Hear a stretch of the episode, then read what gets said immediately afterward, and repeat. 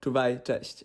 Wędrownicy z Chorągwi Gdańskiej ZHP, którzy tworzą zastęp kursu przewodnikowskiego TROP, postanowili zdobyć znak służby turystyce. Dlatego nagrali rozmowy z lokalnymi podróżnikami. A po co? No a po to, aby promować turystykę w Polsce oraz pokazać, że nie trzeba wcale dużo, by wiele zobaczyć, szczególnie na Pomorzu. Posłuchajmy, z kim dzisiaj rozmawiają. Nazywam się Szymon e, Nitka. Jestem, jestem turystą rowerowym, tak zwykle o sobie mówię.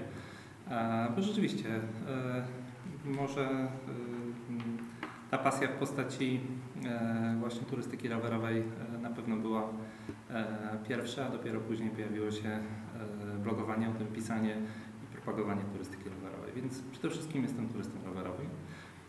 A poza tym jestem, myślę, normalnym człowiekiem, który gdzieś tam sobie pracuje na różne sposoby, próbuje sobie radzić w, takiej naszej czasami e, trudnej rzeczywistości. I tyle.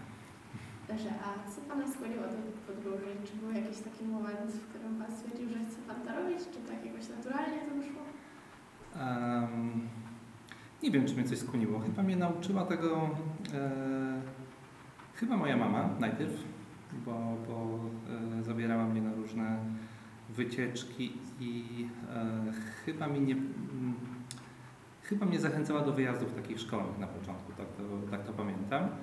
I kiedy w mojej szkole e, podstawowej, w której się uczyłem e, w Gdańsku na Morenie, e, powstało koło krajoznawczo-turystyczne PTK, to, to, miałem po prostu pełne, pełne wsparcie mamy, żeby brać udział we wszystkich imprezach, wyjazdach, wycieczkach, przeróżnych rajdach i no i tak jakoś wpadłem w tą turystykę i tak mi zostało. Y, Dobrze.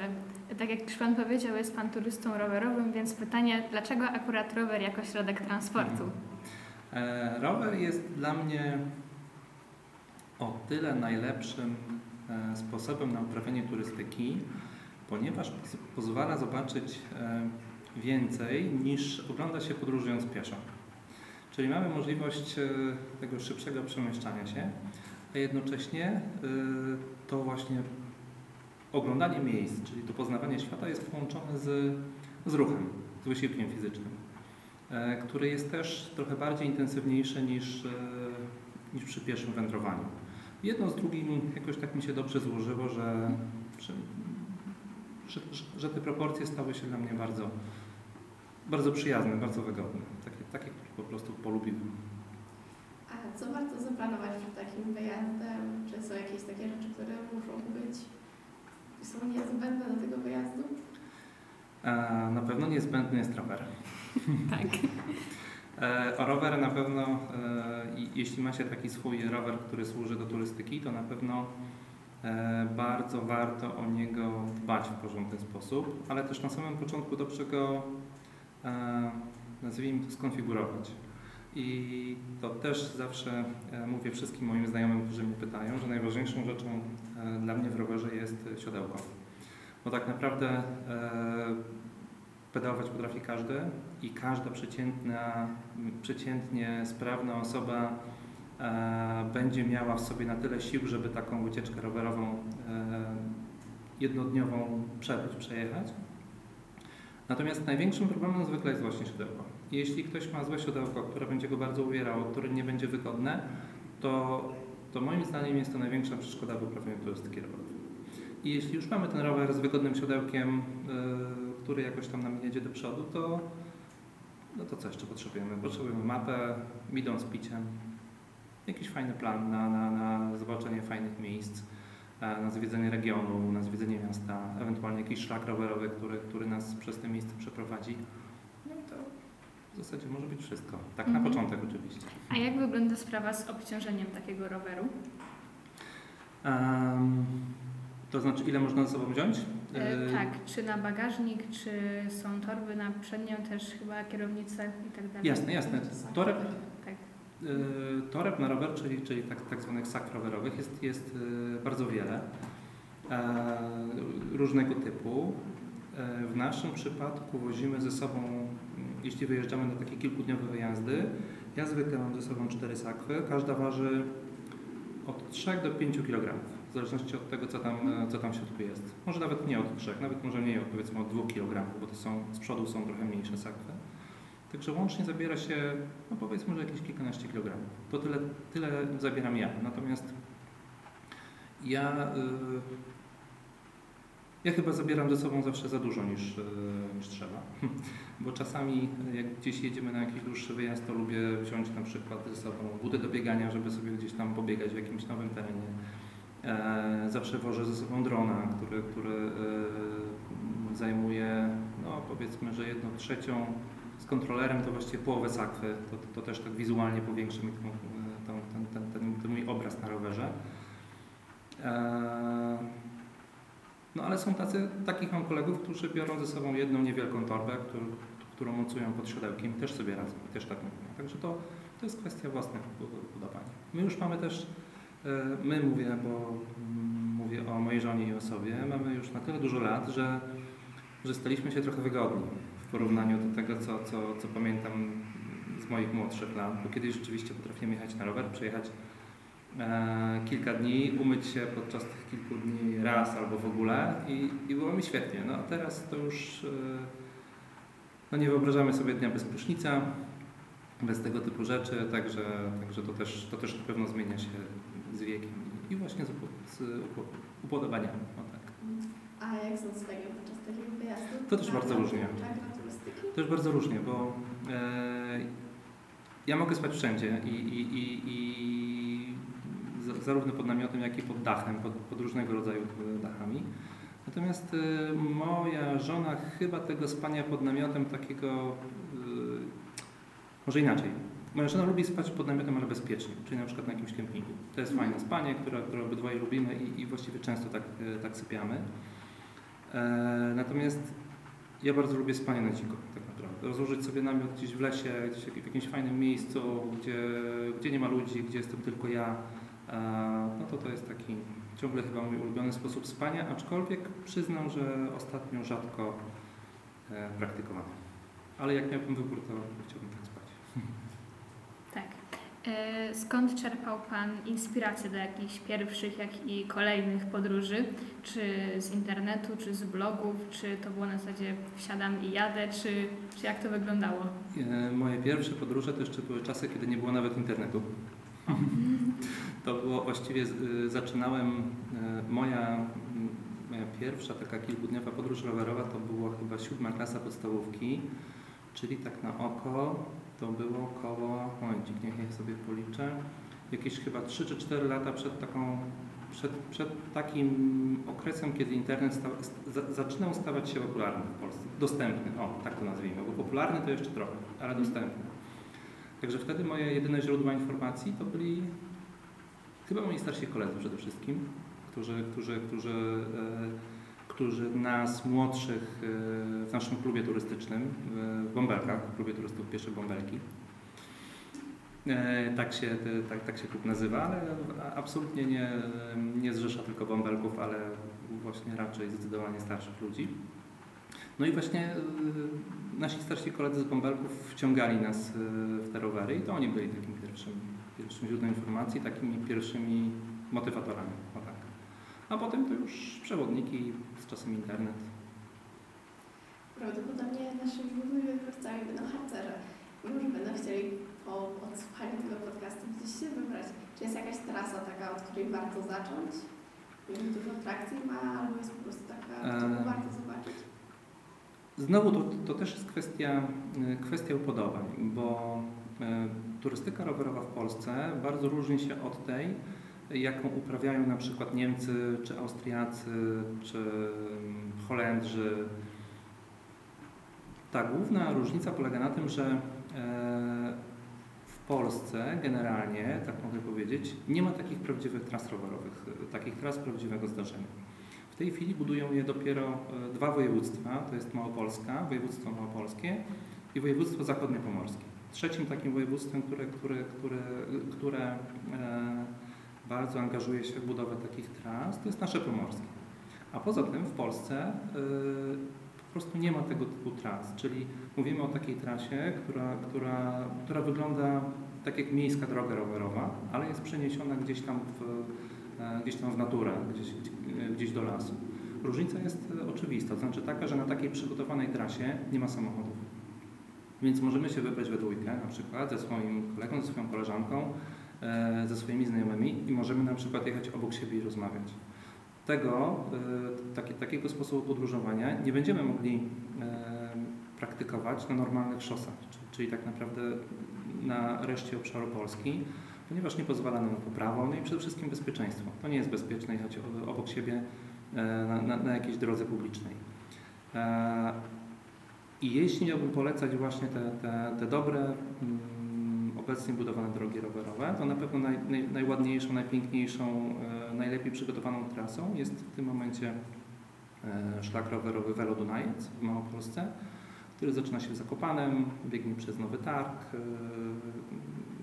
e, Szczawnicę, Krościenko, Nowy Sącz, aż do Tarnowa i dalej do połączenia z Wisłą. I to jest rzeczywiście piękna trasa rowerowa, e, poprowadzona w większości po takich e, odizolowanych drogach rowerowych, więc jest bezpieczna, jest ciekawa, z pięknymi krajobrazami dookoła. I naprawdę jeszcze chyba nie znalazłem nikogo, kto pojechał na taką trasę i, i, i, był z takiego przejazdu, z takiej podróży e, niezadowolony. W naszych, w naszych tutaj okolicach bliżej, no to właśnie mamy budowaną trasę przez, przez województwo zachodniopomorskie i przez pomorskie, czyli Velo Baltica, czyli, czyli trasa wzdłuż Morza Bałtyckiego, gdzie też suk- sukcesywnie te takie dawne, stare odcinki, gdzie było bardzo dużo piachu, są w tej chwili zastępowane takim fajnym, wygodnym, asfaltowym dywanikiem. Długo taka trasa zajmuje? Na przykład do Velo Dunajec?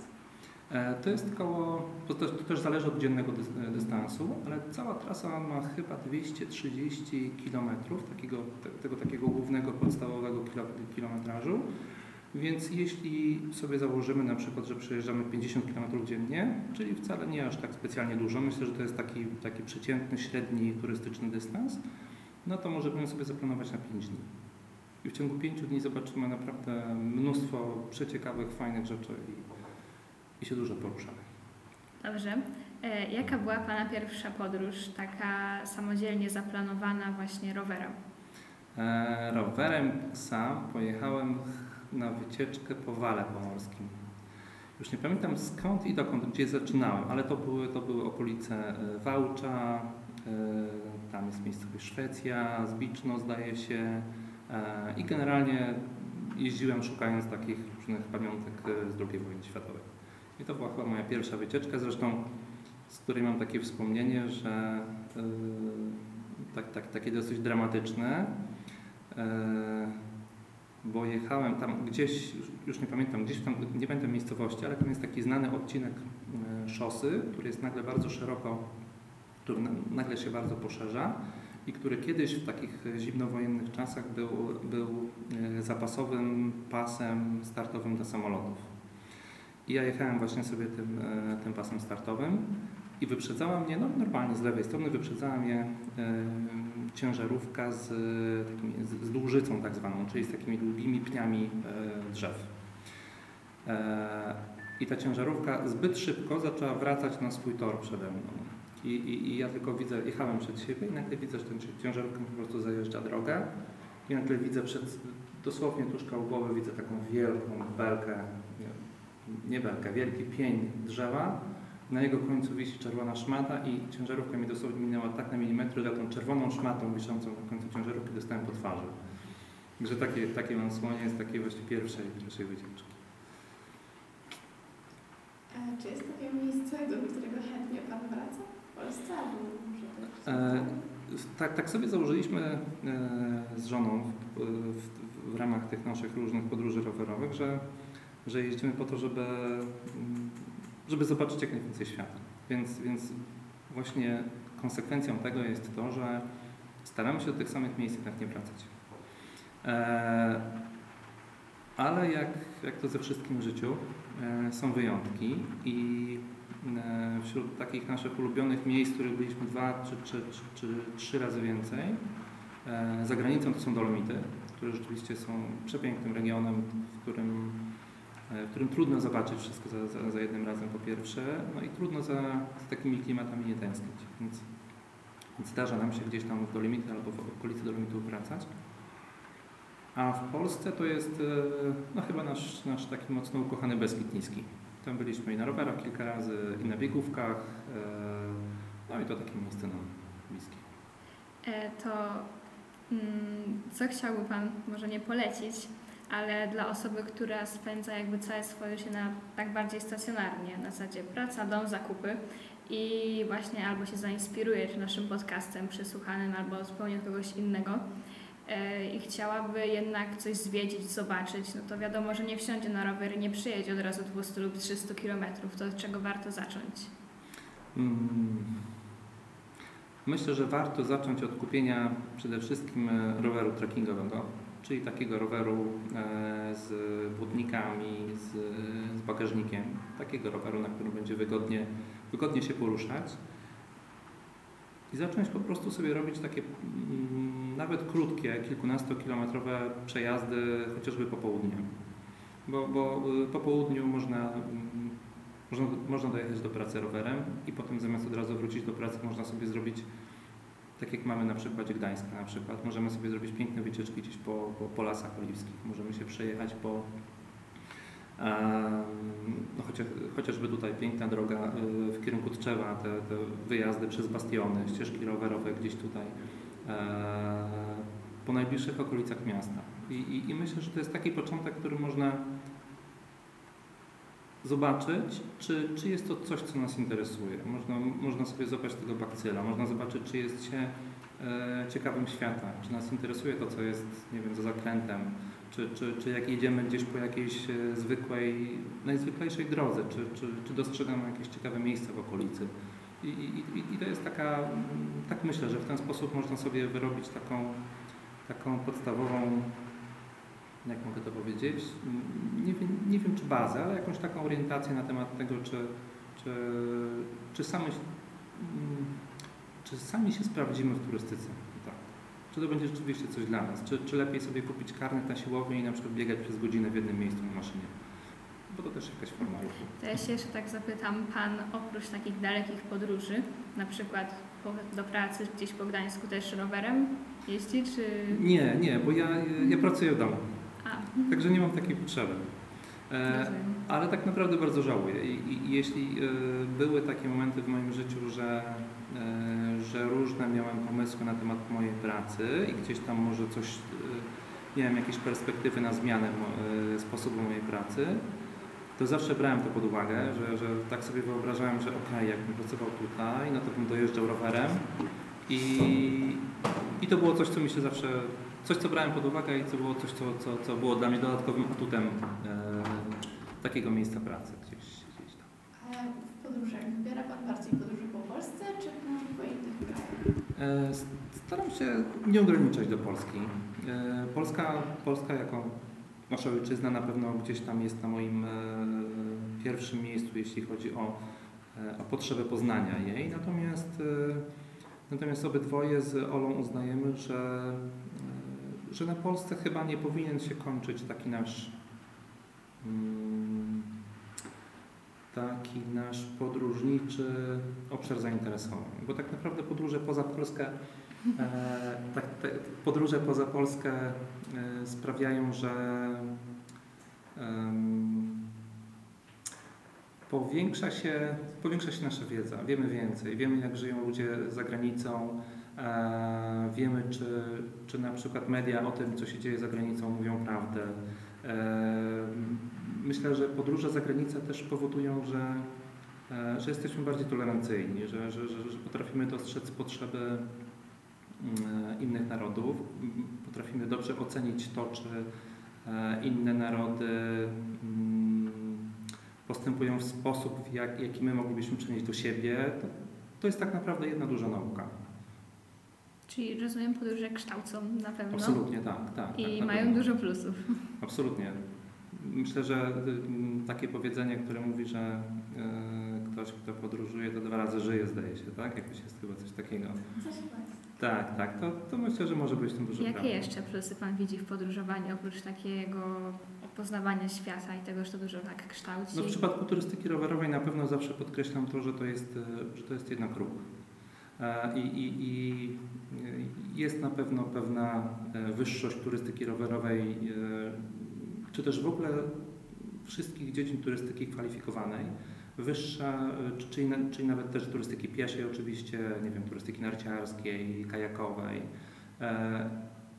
Te dziedziny na pewno dla mnie mają większą wartość ze względu właśnie na ten ruch, na to, że jesteśmy zmuszani, to jest złe słowo, ale na to, że ruszamy się poznając, a więc, yy, a więc wprowadzamy do swojego życia więcej takich pozytywnych, yy, pozytywnej wartości od człowieka, który na przykład wszędzie, wszędzie dolatuje samolotem, albo dojeżdża autokarem, albo dojeżdża samochodem.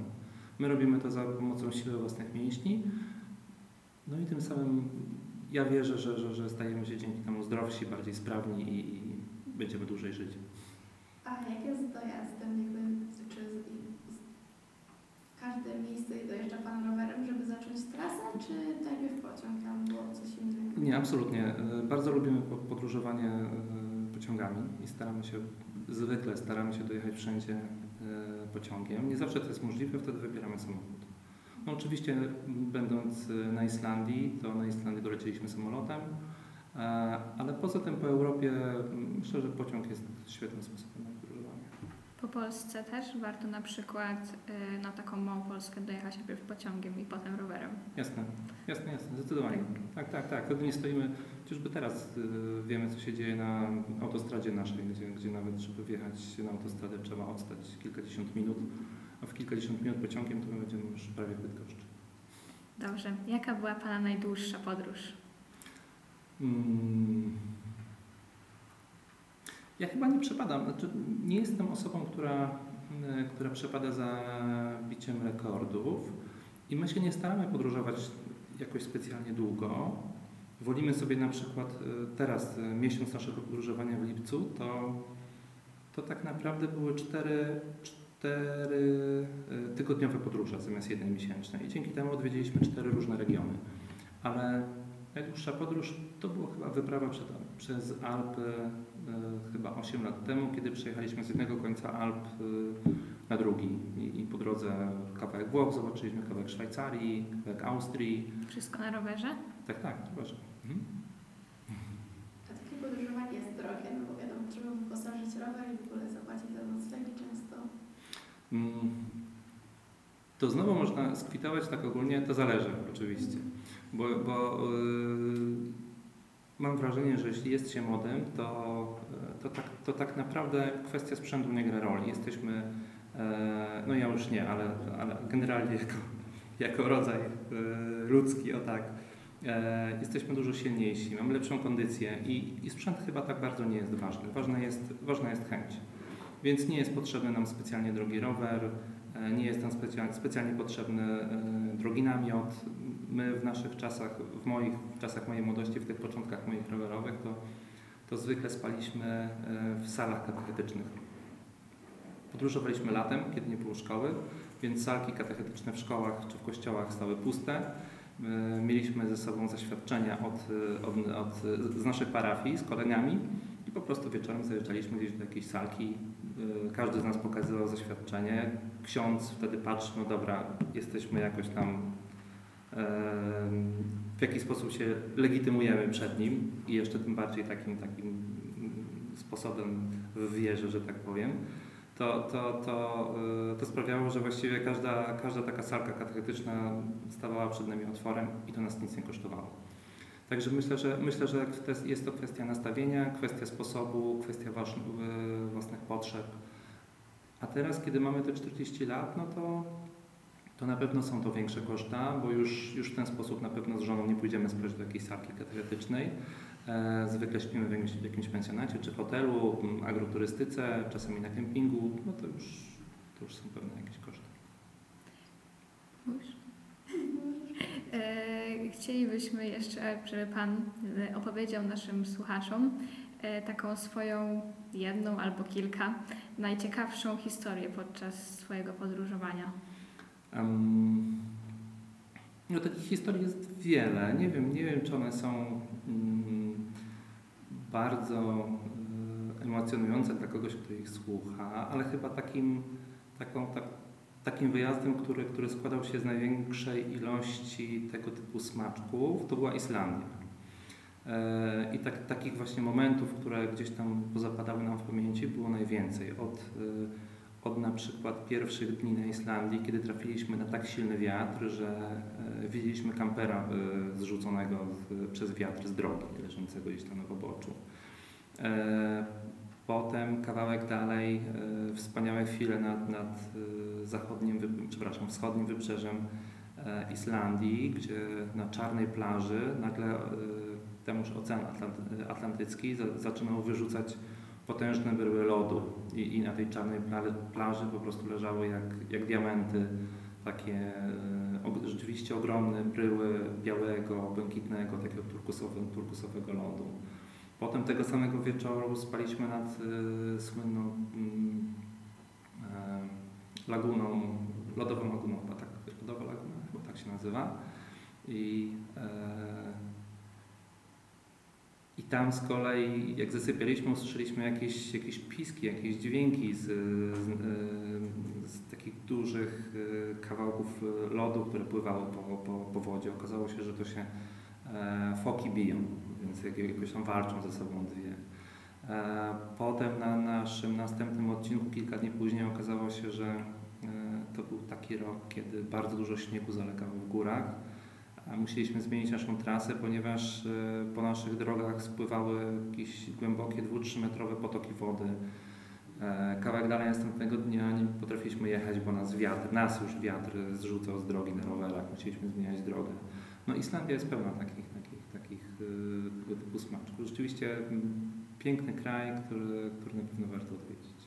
To była taka najciekawsza podróż. A czy są jakieś wydarzenia, które uważa Pan, że mogłyby być przestrogą, jakby na co uważać podczas takich wyjazdów? No na pewno trzeba uważać na własne bezpieczeństwo. I, i, rzeczywiście to, to bezpieczeństwo na rowerze jest. Na rowerze jesteśmy bardzo, mm, bardzo delikatni. O tak. I każdy, każdy samochód właściwie może nam zrobić e, bardzo dużą krzywdę możemy na jakimś, nie wiem, szybkim zjeździe popełnić jakiś nieznaczny błąd, który spowoduje jakąś tam naszą kraksę i, i będziemy sobie mogli również zrobić e, dosyć istotną e, krzywdę. Mm. I to chyba, to chyba jest główna sprawa, na którą trzeba uważać tak naprawdę. Na ludzi Chyba mniej. Ludzie przeważnie są dobrzy i, jakoś tak nie, nie, nie jest to chyba jakieś specjalne zagrożenie. Ludzie siebie lubią wzajemnie, jeśli tylko nie jesteśmy jakoś do siebie źle nastawiani przez, y, nie wiem, przez media, przez polityków, to, to, to ludzie na całym świecie są dla siebie bardzo serdeczni i, i ludzie się chyba nigdy nie obawialiśmy. A jak z takim bezpieczeństwem właśnie podczas jazdy, bo na drogach w mieście rzadko się widzi, że ktoś ma kask, a na takim wyjeździe? E, myślę, że coraz więcej osób jeździ w kaskach i, i, i ja też, e, czy, czy, też my jesteśmy zwolennikami jazdy w kasku. E, zawsze podróżujemy w kasku. I na pewno, na pewno mm, tych zagrożeń jest więcej właśnie na drogach publicznych. Dlatego też ważna jest ta, ta, ta budowa dróg rowerowych, o której mówiłem na początku. Bo na takich drogach rowerowych na pewno jest, no, no zagrożeń dla rowerzystów jest mniej. Mówił Pan, że spotkał Pan e, bijące się foki na Islandii. Miał Pan jeszcze jakąś styczność taką z dziką przyrodą? Um, tak, mamy, ma, mamy dużo szczęścia do takich. Yy, mamy? Mamy, tak, bo zwykle jesteśmy we dwoje. Mamy szczęście do tego typu. Chociaż, chociaż nie wiem, czy to jest akurat takie nasze szczęście, czy to, czy to po prostu, jeśli się spędza, każdy, kto spędza dużo czasu yy, na łonie natury, to tak naprawdę każdy ma szansę zauważyć, przeżyć jakąś taką chwilę. No, dwa lata temu jadąc szlakiem od Ranysa drogę przebiegły mi dwa wilki na przykład. I to, i, i to był fajny moment naprawdę, bo, bo jakoś e, chyba takiego spotkania wcześniej nigdy, nigdy nie miałem. Potem, kiedy się tego samego wieczora, całkiem niedaleko, kiedy się rozstawiłem już do, e, do spania, rozstawiłem sobie namiot nad, nad brzegiem, jeszcze wtedy chyba Nysy, tak, bo to jeszcze był odcinek szlak nad Nysą Łużycką. I już się zdążyło zrobić ciemno, ja wziąłem latarkę i tak, tak sobie po prostu gdzieś tam poświeciłem dookoła i zobaczyłem jakieś 30-40 metrów od siebie e, na ścianie lasu zobaczyłem dwie pary takich żółtych oczów patrujących się we mnie. I sobie pomyślałem, że to właśnie te wilki. I potem rozmawiając e, e, z moim wujkiem, który, który jest taką skarbnicą wiedzy o, o, o, o dzikich zwierzętach, to powiedział mi, że, że to mogły być te wilki, ponieważ e, te właśnie wilki, które spotkałem wcześniej, ponieważ wilki są bardzo ciekawe. Wilki zobaczyły jakiegoś gościa na swoim terenie, w swoim rewirze i mimo, że mi się wydawało, że one przede mną uciekały, to tak naprawdę one zbiegły mi z drogi, ja przejechałem, ale one potem poszły za mną. I zobaczyłem je ten kilometr czy półtora dalej, zobaczyły, że ja sobie rozłożyłem ten namiot nad, nad rzeką i, i mnie po prostu obserwowały, kim ja jestem, co ja tam robię. No i to, to są takie fajne chwile, co jeszcze mm, w Norwegii widzieliśmy morświny w Fordzie pływające, e, w Fordzie powiedziałem, w Fjordzie. E, co jeszcze? W Górach Sowich e, wjechaliśmy rowerami na stado muflonów. No oczywiście łosie gdzieś tam na kurpie. Takich, takich spotkań jest trochę. Jeździł Pan tylko po takich typowych ścieżkach rowerowych, czy właśnie na przykład w Górach Sowich też wjeżdżał Pan na szczyty rowerem? Bo widziałam ludzi, którzy wjeżdżają. Tak, tak. W Górach Sowich byliśmy, wjechaliśmy na Wielką Sowę rowerem. To akurat tam nie jest takie bardzo trudne. Jest chyba jeden tylko taki, taki kamienisty odcinek, gdzie rzeczywiście trzeba było rowery przeprowadzić, ale, ale wjazd na Wielką Sowę nie jest, nie jest taki trudny.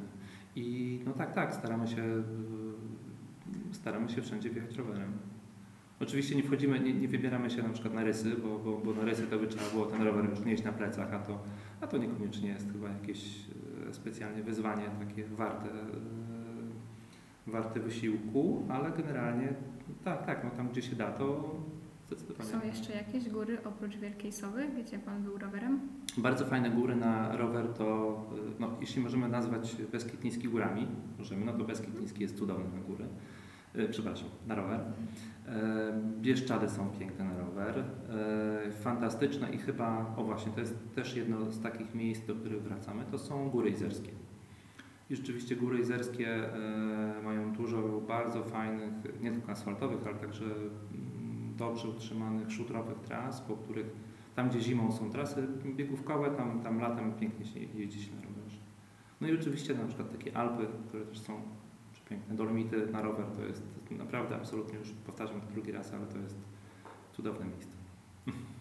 A jak z posiłkami jest? Zbiorą Państwo jedzenie ze sobą, czy kupują na miejscu, gotują sami, w restauracjach? Kiedyś e, oczywiście wszystko robiliśmy sobie sami. E, w takich dawnych czasach moich to, to wszystko pod namiotem robiliśmy z kupowanych składników, a potem tak w miarę z, w miarę czasu zaczęliśmy zaglądać do restauracji i teraz większość posiłków na wyjazdach to jednak jemy, jemy kupowane gdzieś tam w restauracjach. Bardzo różnych restauracjach, od takich gdzieś tam zwykłych barów, po zwykle na jakimś wyjeździe też idziemy przynajmniej raz do takiej porządnej restauracji, gdzie, gdzie, gdzie z kolei zawsze prosimy o, o lokalne dania, bo to, to jest jednak też e, no,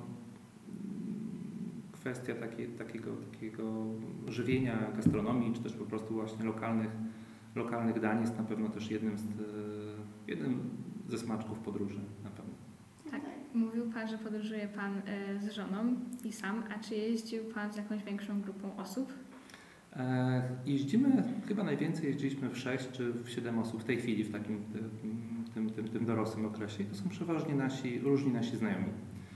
Natomiast Wcześniej, kiedyś, to jeździliśmy chyba z kolegami, to było nas, no chyba też kilku.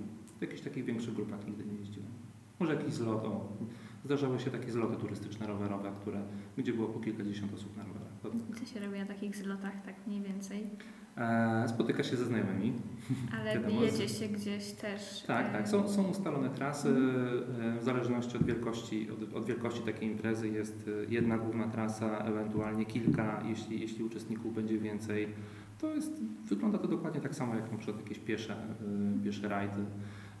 Są atrakcje do, do, do zobaczenia oczywiście na trasie. W takich miejscach zwykle mamy szansę zobaczyć coś więcej niż niż taki indywidualny turysta, bo przeważnie e, udaje nam się zwiedzić te miejsca z jakimś lokalnym przewodnikiem, który mówi o jakichś specjalnych e, czy jakichś takich ciekawszych smaczkach z danego miejsca.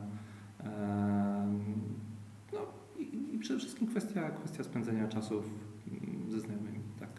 Tak, tak, tak, tak ja widzę imprezy. Jakby ktoś, kto właśnie e, nas będzie słuchał, chciałby się wybrać albo z kimś, albo żeby boi się sam na przykład zacząć jakąś podróż, czy jest na Pani jakąś organizację właśnie, która robi takie rajdy rowerowe? Myślę, że e, w zależności od wieku chyba najlepiej szukać, e, sprawdzać, czy, czy mamy gdzieś w okolicy jakieś takie szkolne koła turystyczne. Bo e, ja- mam bardzo dobre wspomnienia z, z czasów e, mojego dzieciństwa, kiedy to właśnie PTTK tak naprawdę mi najwięcej dało turystycznie. I, i, i- wciąż jeszcze z, e, można trafić chyba na takie koła turystyczne PTTK w szkołach, prowadzone przez fajnych nauczycieli, którzy, którzy także zabierają dzieci na, na, na wycieczki rowerowe. A jeśli nie tego typu kwestie, to, e, to chyba już nie szkolne, ale po prostu zwykłe kluby e, PTTK właśnie. Myślę, że klubów turystyki rowerowej PTTK w Polsce jest ciągle no przynajmniej kilkadziesiąt i mając, e,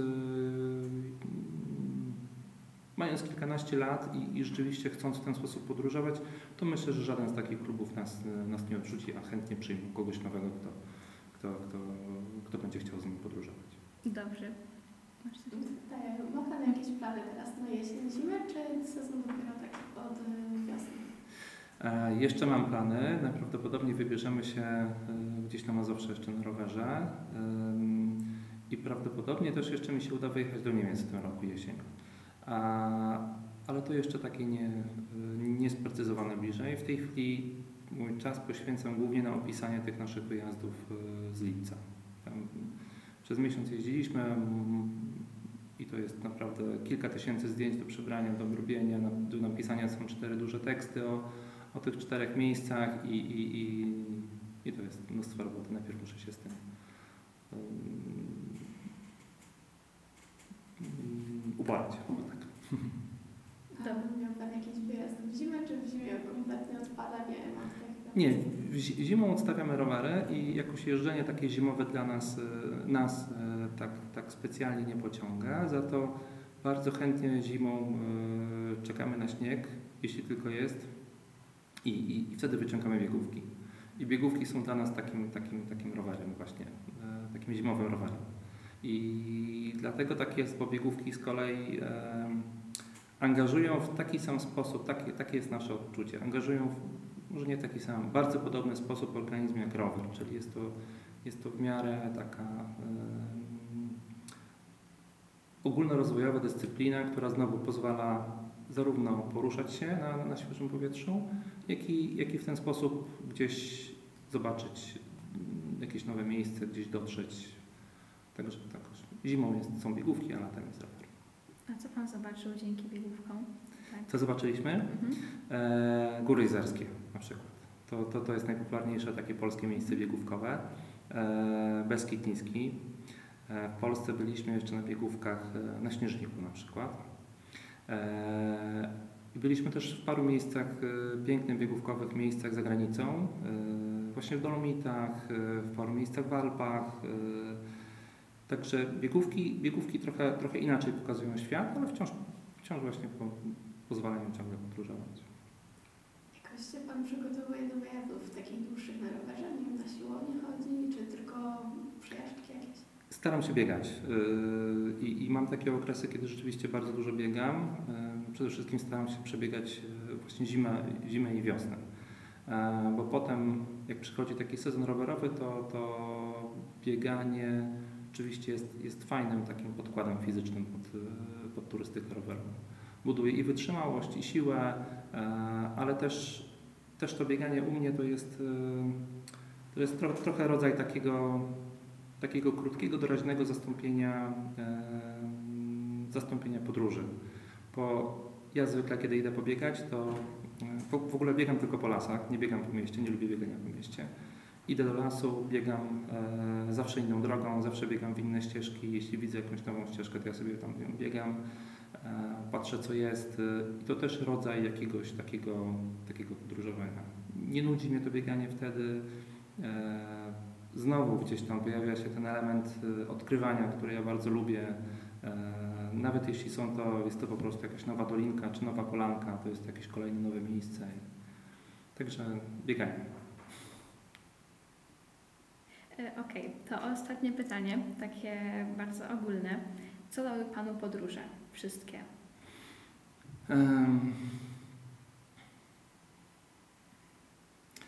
co mi dały? Nie chcę powiedzieć, że wiedzę, bo to, jest, to byłoby chyba za dużo powiedziane, ale e, może inaczej. Dały mi możliwość poznawania świata przede wszystkim. Dały mi możliwość zobaczenia, e, jak świat potrafi być e, różny, jak świat, jak ten różny właśnie świat, złożony często z bardzo, bardzo, bardzo różnych ludzi, e, potrafi sobie świetnie dawać radę, świetnie się układać. E, podróże pozwoliły zobaczyć właśnie to, o czym też wspominałem, że, że ludzie, są, ludzie są mili dla siebie. Że, że, że, że zwykle ludzi nie trzeba się obawiać, nie trzeba się bać świata. E, na pewno podróże też e, trochę dają takiej odwagi w takim codziennym życiu. Właśnie przez to, że trochę hartujemy chyba taki, tak, tak, takiego, naszego, takiego naszego stracha w sobie. To znaczy pozwalamy na opanowanie takiego, takiego naturalnego strachu, który w sobie mamy. Wracając z pierwszej podróży, z drugiej, trzeciej, czwartej, okazuje się, że jesteśmy zdrowi, wszystko nam się udaje, nikt nas nie atakuje, nikt nas nie chce okraść, zjeść. To daje takie, takie przekonanie, że, że świat może być po prostu fajny, można fajnie żyć. Było bardzo fajne podsumowanie. Jak nam jeszcze Pan powie, gdzie można Pana znaleźć w internecie? E, zapraszam na, chociażby na bloga www.znajkraj.pl albo na Instagram, e, również e, na Znajkraj na Instagramie. Dziękujemy bardzo. Dziękuję uprzejmie. Za przybycie. I jak? Podobało się? Nie zapomnijcie o subskrypcji ZHP Podcast, aby zawsze być na bieżąco z kolejnymi odcinkami. Jesteśmy na Spotify, podcastach Apple, Google, Breaker, Overcast i Anchor. A może i Wy chcecie tworzyć ZHP Podcast? Napiszcie do nas na Facebooku zhp.pl. Czuwaj!